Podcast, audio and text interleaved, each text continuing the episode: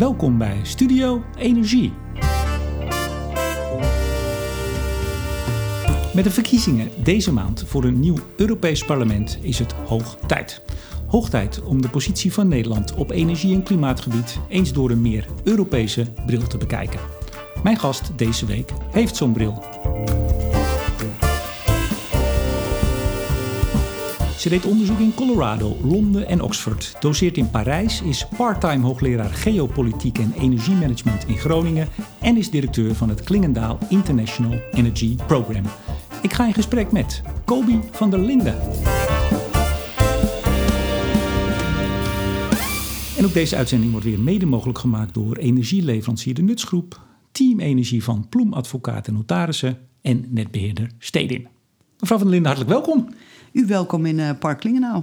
Officieel volgens mij Wassenaar, maar eigenlijk zegt iedereen Den Haag. Uh, de opstallen zijn van Den Haag en uh, volgens mij het land behoort bij Wassenaar, bij de gemeente Wassenaar. Wij zitten hier in uw Hans en Grietje huisje, mag ik dat zo noemen? Ja, ja. Dat is een, een gebouwtje wat verder het bos in van Huis Klingendaal, waar instituut Klingendaal zit.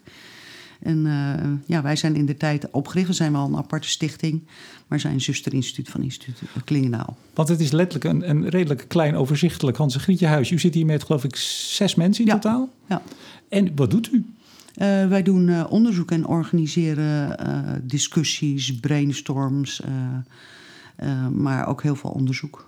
Met, met vooral jonge, jonge onderzoekers. Dus mensen die net van de universiteit komen en een paar wat meer ervaren mensen en, uh, en dan vooral uh, jonge, jonge onderzoekers.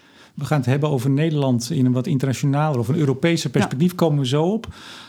maar toch altijd is al belangrijk bij onderzoekers, hoe wordt u gefinancierd? Moeten we het even over hebben? Ja, um, dat zijn 23 instellingen, zeggen we altijd. En daarvan zijn een aantal van de overheid, dus ministeries. Um, uh, semi-overheidsbedrijven, dus waar, waar uh, de overheid aandeelhouder is. Gasterra, EBN. Ja, precies. En dan ook nog private ondernemingen zoals uh, de oliebedrijven, banken. Ja, de, de, de BP geloof ik, ja. Eneco ook, bank inderdaad. Ja. Van alles zit erin. Ja. Waarom zo'n breed, zo'n brede groep? Wat, wat vinden die belangrijk aan SIEP, zoals het in de wandelgangen heet? Um, nou, dat was, uh, in het begin was, was het een voorwaarde dat er dus een heel breed palet vanuit uh, de energiesector zou, uh, zou meedoen. Voorwaarde voor wie of wat? voorwaarde om, om dit te starten. En de bedoeling was om een platform te creëren waar discussies, maar ook studies worden, worden gedaan. Toegepaste studies. Um, en het was, dat is belangrijk omdat, omdat er zoveel tegenstrijdige belangen zijn... dat daardoor de onafhankelijkheid zou worden gegarandeerd. En dat is hij dus. En dat is hij dus, ja. Toen ik u benaderde om dit gesprek te hebben, toen uh, zei u waar wil je het over hebben? Toen zei ik nou, over, hè, we kijken toch in Nederland heel vaak binnen de grenzen. Is het nou niet interessant in de maand van de Europese verkiezing om het breder te kijken? En toen zei ik nou, internationaal Europees. Toen zei je, ja, wacht even, dat is niet hetzelfde. Nee, nee, nee. Voor mij is internationaal, dan hadden we het over het uh, energie- en uh, klimaatbeleid van China gehad en de Verenigde Staten. En, doen we een andere keer. Uh, we doen we een andere keer, maar dat is voor mij internationaal. En vanwege, ik probeer heel strak te redeneren, vanwege de interne energiemarkt. En, en alles wat daarbij komt kijken is uh, Europa, ja, is een aparte categorie. Maar nou, nou, bij energie kun je dat inderdaad zeggen, maar we hebben het hier ook over klimaat. Ik zei het in de intro, energie en klimaat. Hoe zit het nou, maar met... ook, er is heel veel klimaatbeleid op Europees uh, gebied. Dus eigenlijk voornamelijk op Europees gebied uh, wordt dat vastgesteld. En dan wordt dan dat doorvertaald naar de lidstaten, wat zij daar precies uh, zelf binnen, binnen hun eigen landen aan willen doen. Maar bijvoorbeeld bij 2020-beleid had de EU wel vastgesteld wat, uh, wat de kaders en de, de normen waren per land. En die verschilden heel erg, hè, afhankelijk van uh, de structuur van je economie, uh, hoeveelheid. denk, denk, bijvoorbeeld aan, aan waterkrachten. Landen die daar veel potentie in hebben, daar is het gemakkelijker om bijvoorbeeld aan je percentage duurzame energie te komen. Of soms hadden ze dat al lang. Dan in een land waar uh, die, die mogelijkheden helemaal niet heeft. Ja. Dus daar was wel rekening mee gehouden. Nou, kijken we in Nederland, althans zo lijkt het toch vaak, vooral binnen de Nederlandse grenzen. Hoe kijkt u daar tegenaan als we toch zo verweven zijn met het Europees beleid? Um, ja, soms met, uh, met uh, groeiende verbazing, zullen we dan maar heel netjes zeggen. en als u het minder netjes zou zeggen? Um, nou, het, het, het, is niet handig, omdat uh, de markten zijn zo verknoopt.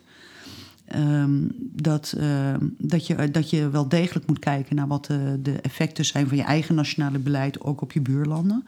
En omgekeerd. En dat is nu al een paar keer niet echt goed gegaan. Ehm, als je kijkt wat de invloed is geweest van, van het Duitse beleid op, eh, op hoe de Nederlandse markt functioneerde, ja, dan, dan, ja, dan is het eigenlijk heel vreemd dat je in een interne markt zit en dan ja, toch uh, landen besluiten kunnen nemen die echt uh, ja, behoorlijk veel invloed hebben op, uh, op de stromen van energie, bijvoorbeeld voor, door Nederland. Heb je het dan bijvoorbeeld over de wet om de kolencentrales te sluiten? Is dat zo'n voorbeeld? Nou, daar, nemen ze zoveel tijd voor. Daar hebben we nog niet, uh, nog niet heel veel last van. Daar zou ik meer, uh, meer denken aan bijvoorbeeld het besluit van Amsterdam om geen kolen meer door de haven te voeren.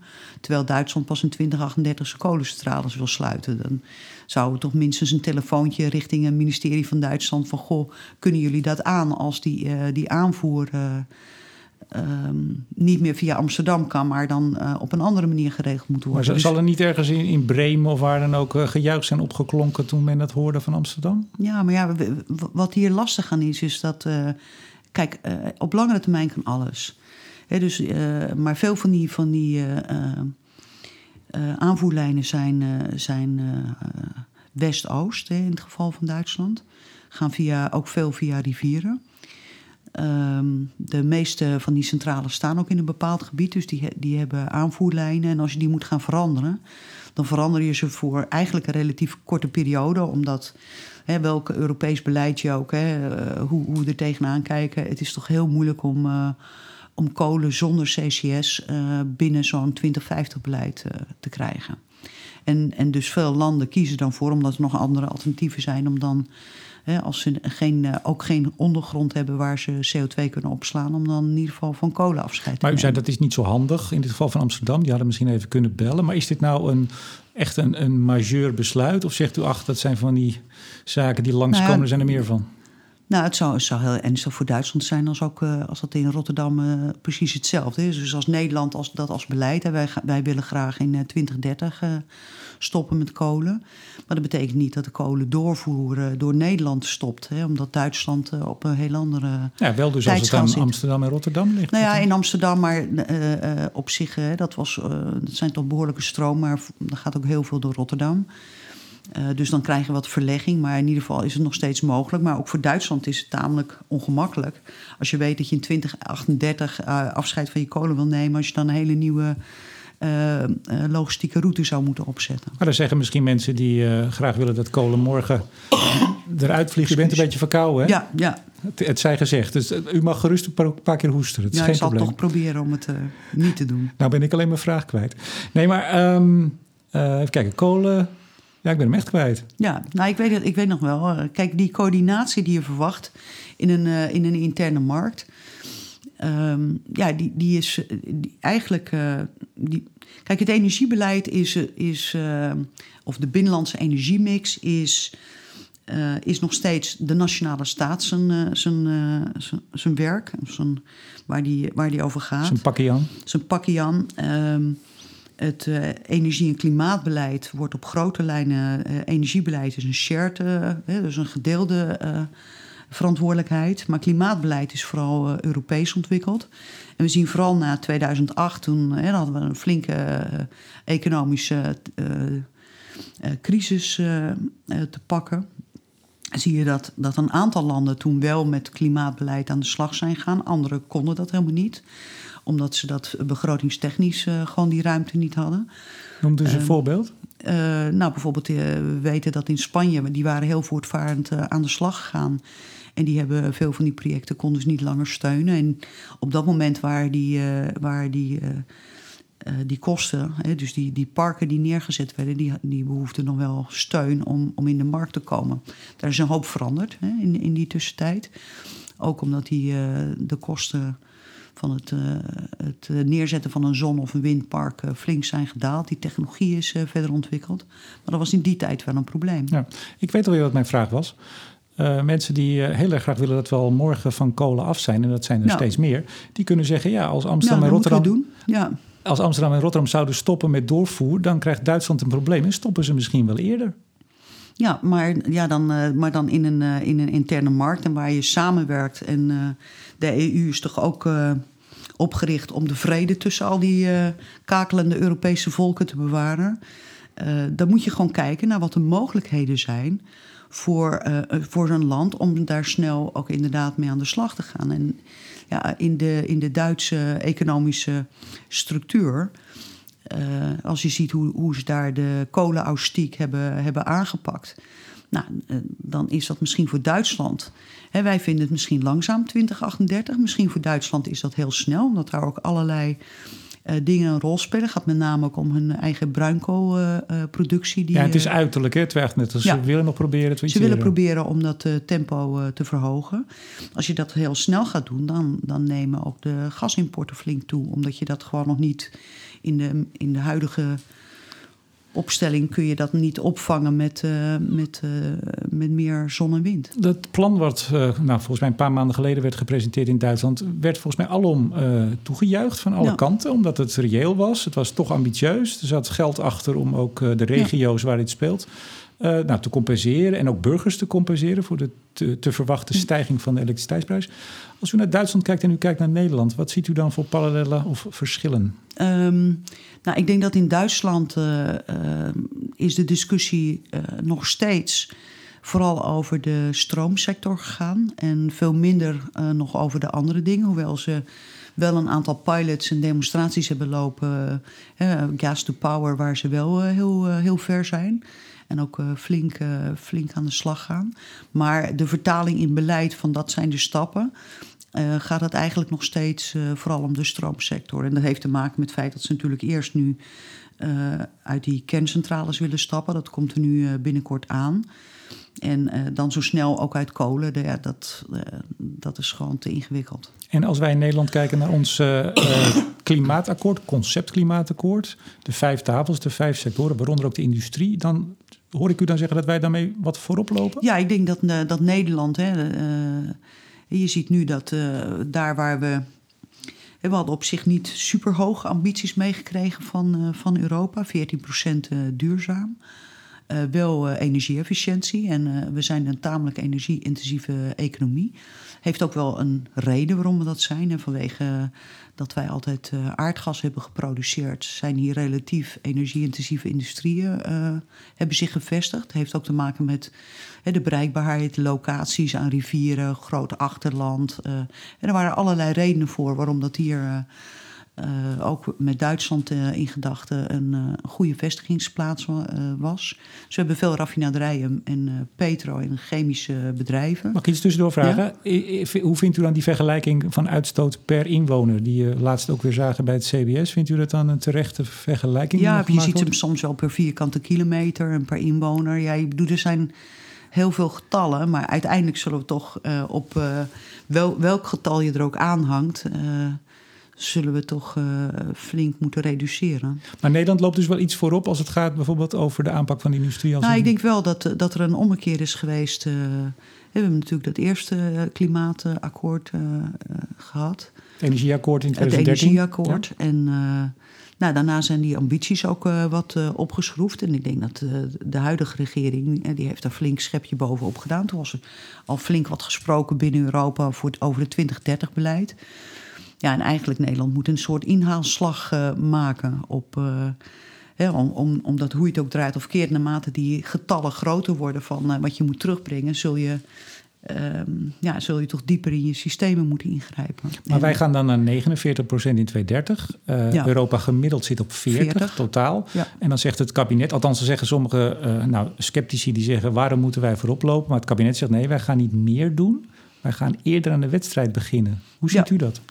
Um, nou, dat, dat, dat eerder, nou, dat, dat, is, uh, dat, is maar net hoe je er tegenaan kijkt. Want als het gaat over je aandeel duurzame energie, dan, uh, dan zit daar een stuk inhaalslag in. Ja, uh, U zegt gewoon, dan lopen we achter. Ja, nou ja, daar hebben we de target voor wat Europa had vastgesteld was 14 procent. En toen hebben we dat uh, vrijwillig, is dat toen door, ik weet niet meer door welke regering is dat toen. De vorige, Rutte op, 2. op 18 gezet. Oh, die ja. En ja. ja. daarvan was al duidelijk dat het gewoon heel, heel ingewikkeld maar is. die 14 halen we ook op geen stukken. Nee, die 14 is ook nog. Dus dan, om dan al voordat je weet of je dat gaat halen te verhogen, vond ik op zich wel een interessante. Maar bedoelt het beweging. kabinet dan niet vooral de reductie van de uitstoot en niet zozeer hernieuwbaar? Um, nee, in dit geval ging het om, uh, om uh, niet om de reductie van de uitstoot, maar om uh, hernieuwbaar. Um, en, dat is, en dat is ook in Europa is dat steeds een discussie geweest. Dat bepaalde groepen. Kijk, je kan zeggen, je kan bepaalde gedachten hierover hebben. Je kan zeggen van nou, als je tot 40 of 50 procent CO2-reductie gaat behalen, dan, dan, dan ontkom je er niet aan door heel veel nieuwe energietechnologieën. Uh, veel zon en wind zullen altijd onderdeel uit moeten maken van dat pakket. Um, maar er zijn natuurlijk ook in Europa er zijn er discussies geweest. De definitie van wat een duurzame energiebron is. of wat. Uh, wat biomassa bijvoorbeeld? Ja, biomassa is heel veel discussie over geweest. Uh, maar ook uh, kernenergie, hè, wat voor Frankrijk toch heel vervelend was. Dat, die hebben een relatief lage CO2-uitstoot in die, in die stroomsector. Want voor de goede orde, kernenergie telt niet als hernieuwbaar nee. en schoon en biomassa wel. Nee, en nou, nu ook niet meer alle biomassa. Dus um, daar, die is ook veel strenger geworden. Er zijn hele discussies geweest over, uh, over soorten olies. Dus uh, ja, er is, er is heel veel discussie en tegelijkertijd ook heel veel wantrouwen in die discussie over um, wat strategieën zouden kunnen zijn van, uh, van, van de fossiele industrie, zoals die dan wordt genoemd, om um, met hun technologie daaraan te voldoen. Uh, als je alleen uh, belangstelling hebt voor de CO2 en voor die reductie, omdat dat het belang, uh, de manier is hoe we dat klimaatprobleem doen, dan heb zoiets van ja, maakt op zich niet zo heel veel uit. Maar dat moet je halen, want dat is, daar heb je internationaal afgesproken, is belangrijk. Um, en je ziet tegelijkertijd een discussie daardoor heen komen dat dat ook niet met een heleboel technologieën zijn eigenlijk ja, van tafel verdwenen. Ik bedoel, we hadden het vijf tot tien jaar geleden hadden we nog een veel breder palet ook van renewables die mogelijkerwijs zouden doorbreken. Maar wat is er dan afgevallen? Uh, nou, ik, ik, ben, ik ben zo gebrainwashed dat ik ook alleen nog maar over zon en wind uh, kan praten. Maar, geothermie wellicht? Ja, diepe geothermie. Nou, dat staat nog wel in Nederland, staat dat nog wel degelijk ja. op de agenda. Um, maar er waren een aantal technologieën die ja, daar hoor je eigenlijk helemaal niemand meer over. Ja, het is echt zon en wind, hè, primair. Ja. Maar als ik u toch net goed beluister, dan zegt u... nou ja, uh, Nederland heeft in ieder geval in woord... Uh, wil, willen we voorop lopen? Zegt het kabinet dat we voorop gaan lopen? Zegt er moet eerst een inhaalslag gemaakt worden? Oftewel, we lopen eigenlijk een beetje achter. Ja, als... dat is alleen op die hernieuwbare. Maar waar ik vind dat ze voorop lopen... is dat geïntegreerde denken. Dus dat je, ja. uh, dat je kijkt naar je systeem... Uh, je kijkt van wat, wat voor inpassingsproblemen zijn er nu als we uh, veel, veel meer zon en wind in ons systeem kijken. We, uh, we zijn ons er zeer van bewust, juist omdat Duitsland als eerste was en die problemen gemakkelijk kon exporteren naar de buurlanden. Als zij te veel zon en wind produceerden, dan kwam dat, kwam dat meteen de grens over via de interconnecties. Dat je dat niet met z'n allen op dezelfde manier kan doen. Want we zitten in dezelfde gebieden. Zoals bij ons waait, is de kans dat het in Duitsland en Denemarken ook waait en in België is redelijk groot. Maar je hoort nu heel veel, en dat is ook volgens de NEF 2017, en dat zal de NEF 18 of 19 uh, ongetwijfeld ook vermelden, hè, dat we in 2030 zo op twee derde, misschien wel 70 procent ja. hernieuwbare elektriciteit ja. zitten. Nou, dat, dat wordt altijd verteld als heel positief. Ja. En dan was de baas van het IEA, die was hier een paar maanden geleden in Den Haag, Fatih Birol. En die zei nou, vanaf zo'n 25 procent begin je toch wel echt... Uh, nou, hij keek er wat zorgelijk bij. Dat gaat niet vanzelf. Hoe, nee. hoe, hoe duidt u dat verschil?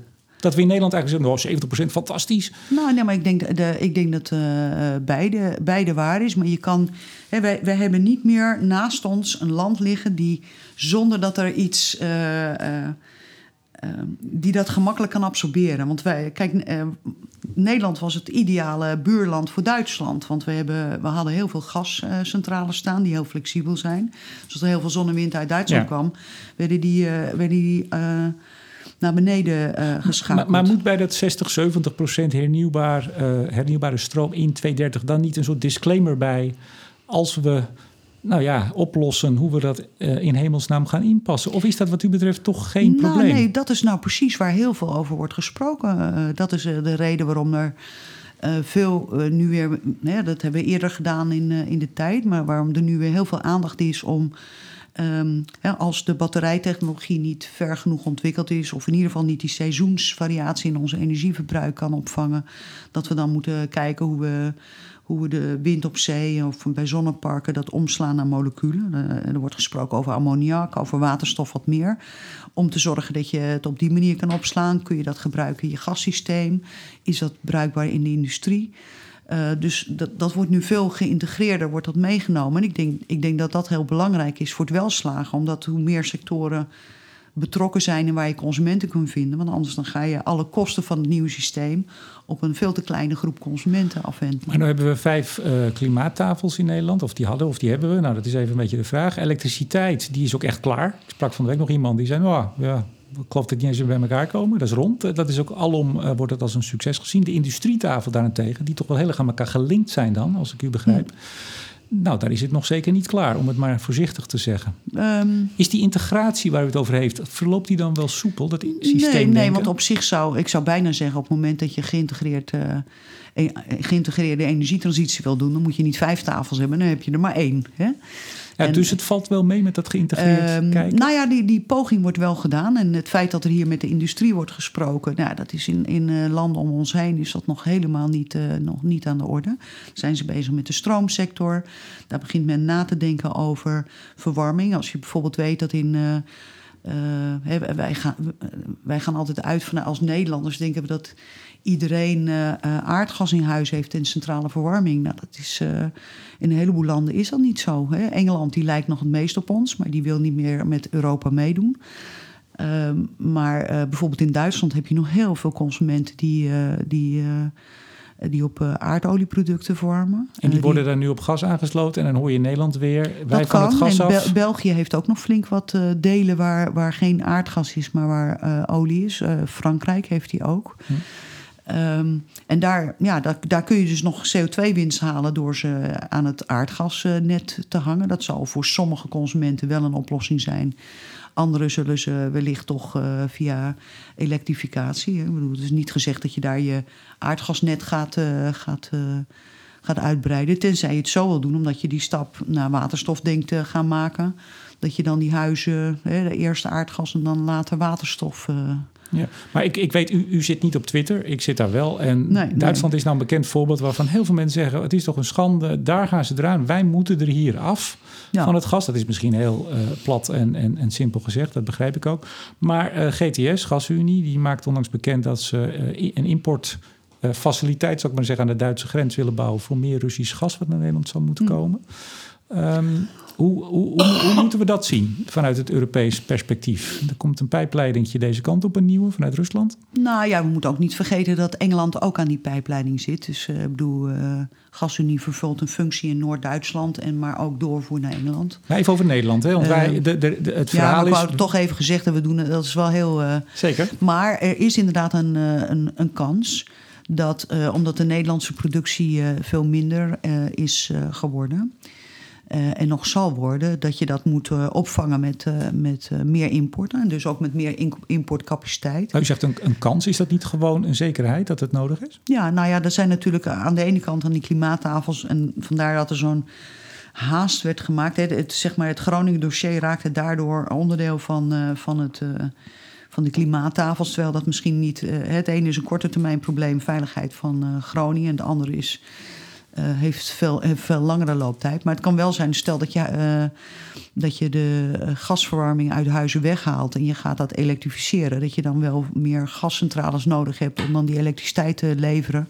Omdat het bouwen van windparken ook tijd kost.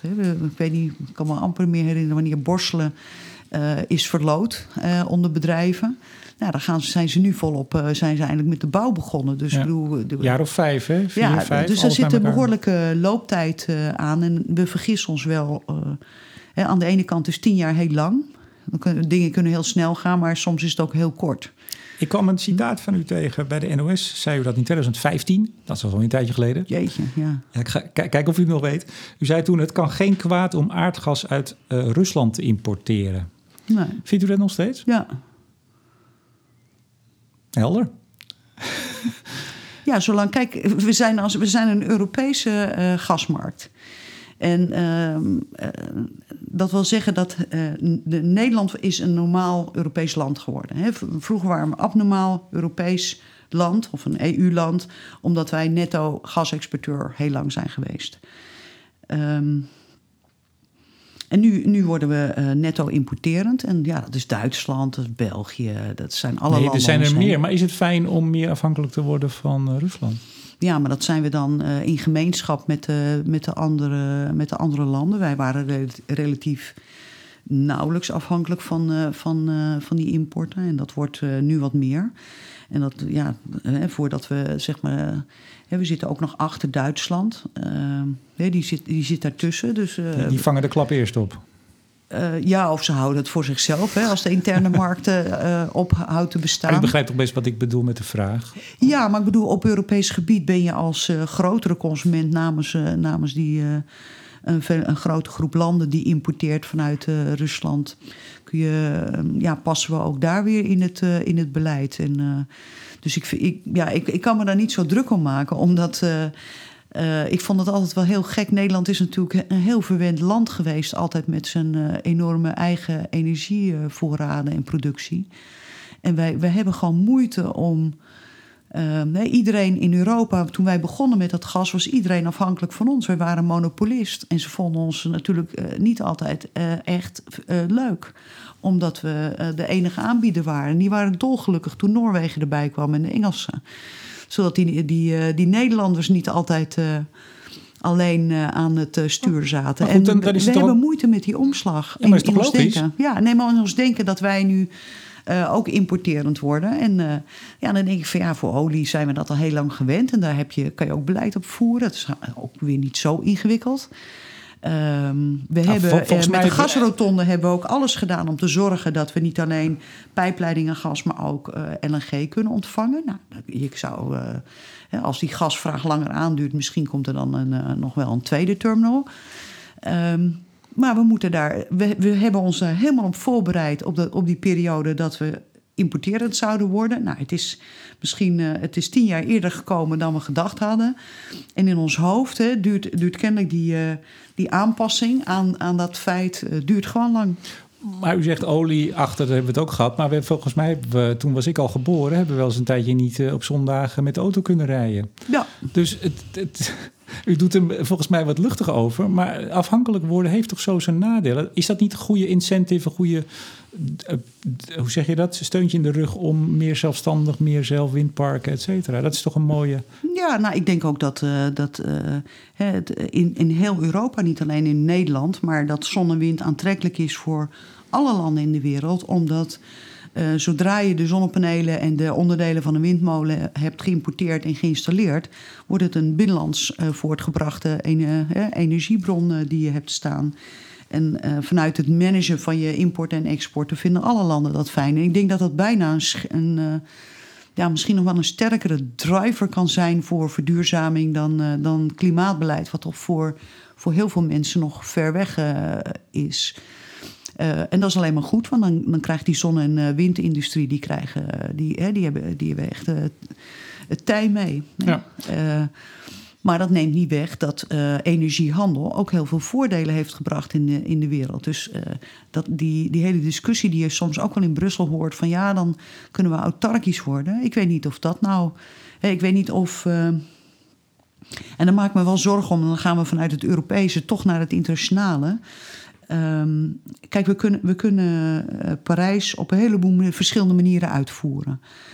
Um, maar ik zou ervoor zijn om het op zo'n manier te doen dat de traditionele producenten de kans krijgen om die slag mee te, uh, te verduurzamen. Dus dat ook zij, nee, dat het niet is, we gaan, we, gaan, we gaan die nieuwe energietechnologie installeren, zodat we niet afhankelijk zijn van land A, B of C, maar juist proberen die landen uh, ook producenten te maken en eventueel handel te drijven, omdat Nederland is bijvoorbeeld uh, tamelijk vol.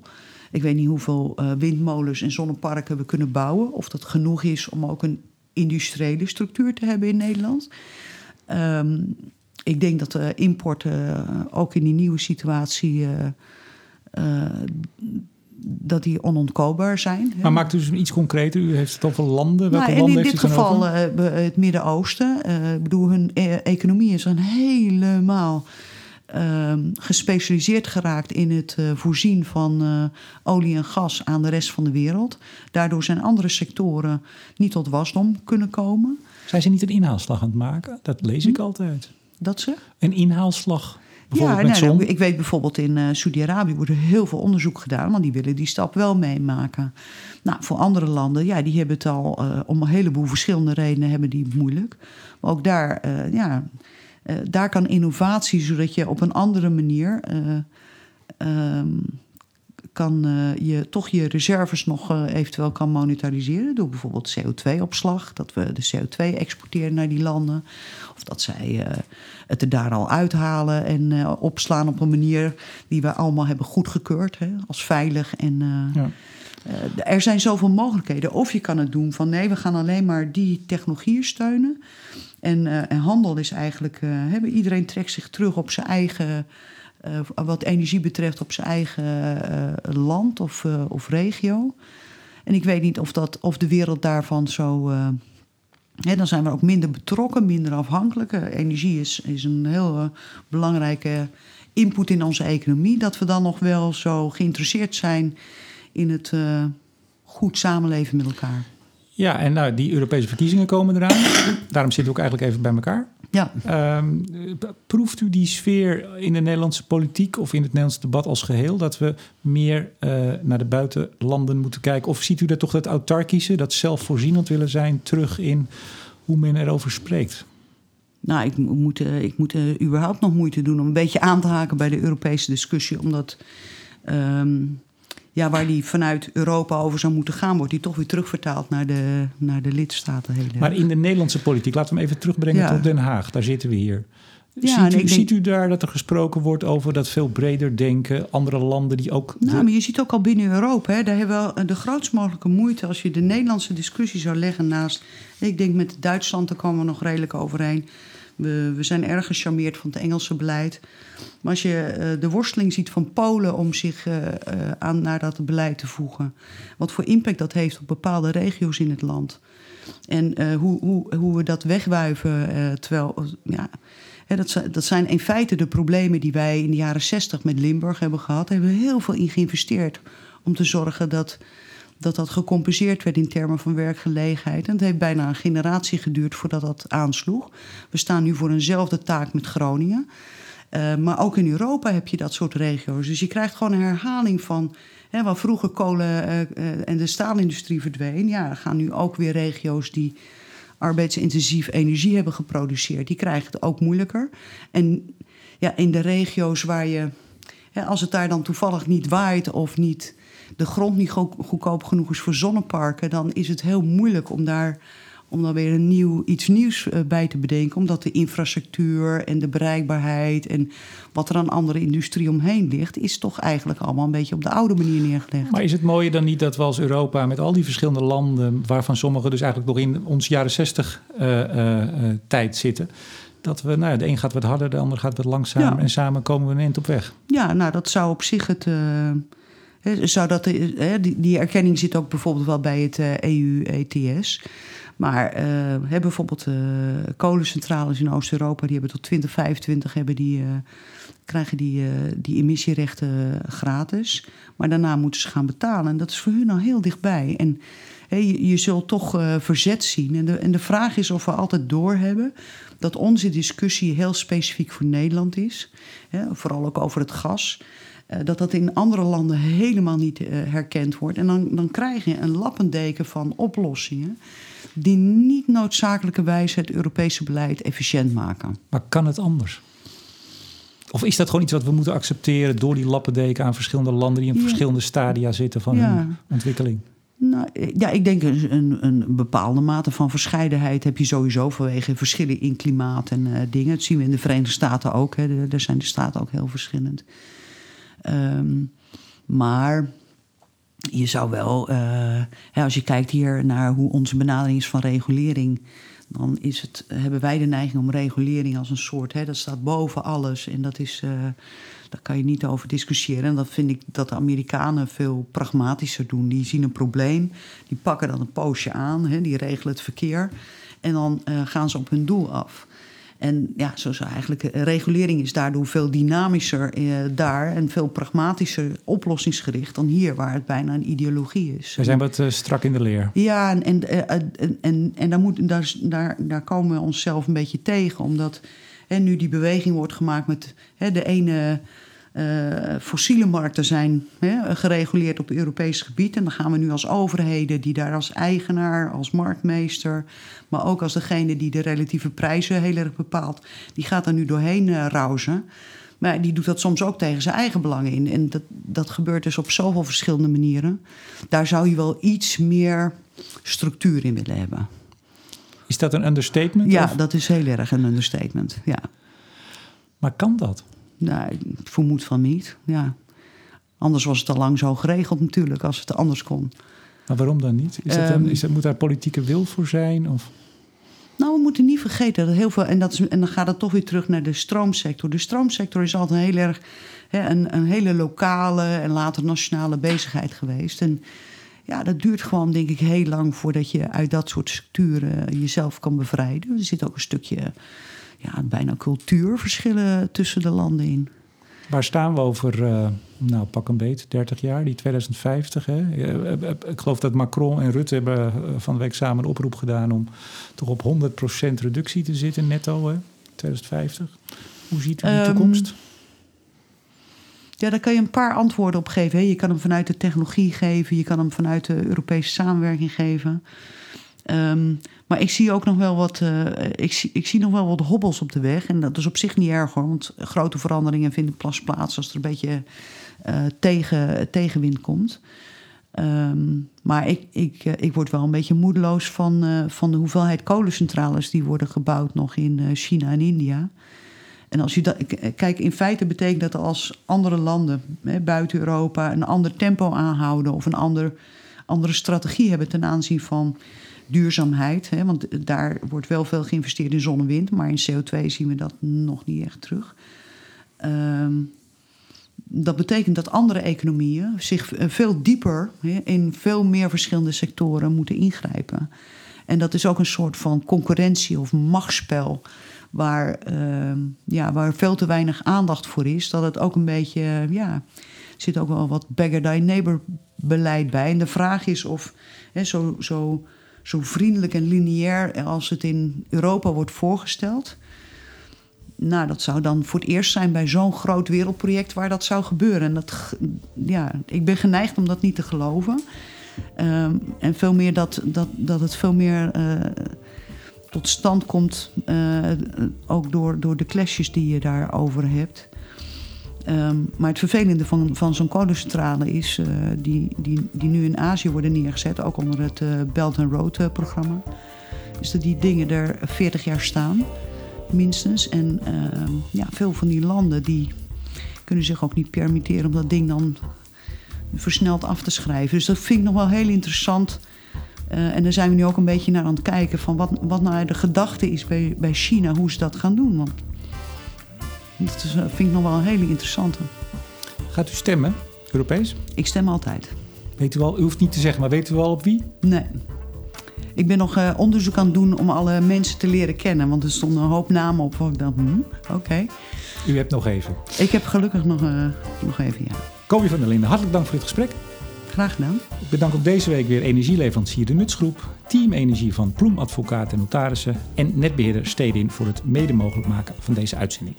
En uiteraard bedank ik jou, beste luisteraar, voor het luisteren. Mijn naam is Remco de Boer. Graag tot volgende week.